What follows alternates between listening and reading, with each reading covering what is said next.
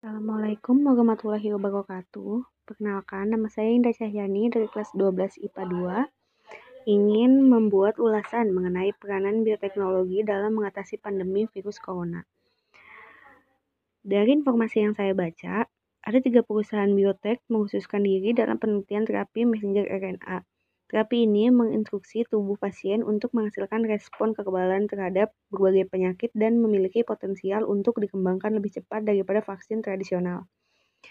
Moderna meluncurkan percobaan klinis manusia pertama untuk vaksin virus corona.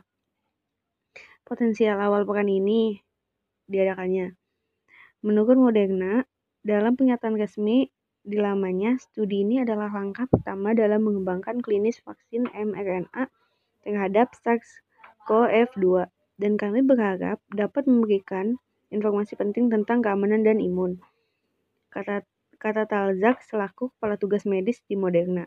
Sementara itu, BioNTech dan titian farmasi Pfizer sepakat untuk bersama mengembangkan vaksin virus corona. Keduanya mengumumkan bahwa perusahaan telah menyetujui letter of intent pengembangan bersama dan didistribusikan vaksin virus corona berbasis mRNA potensial yang bertujuan untuk mencegah infeksi COVID-19.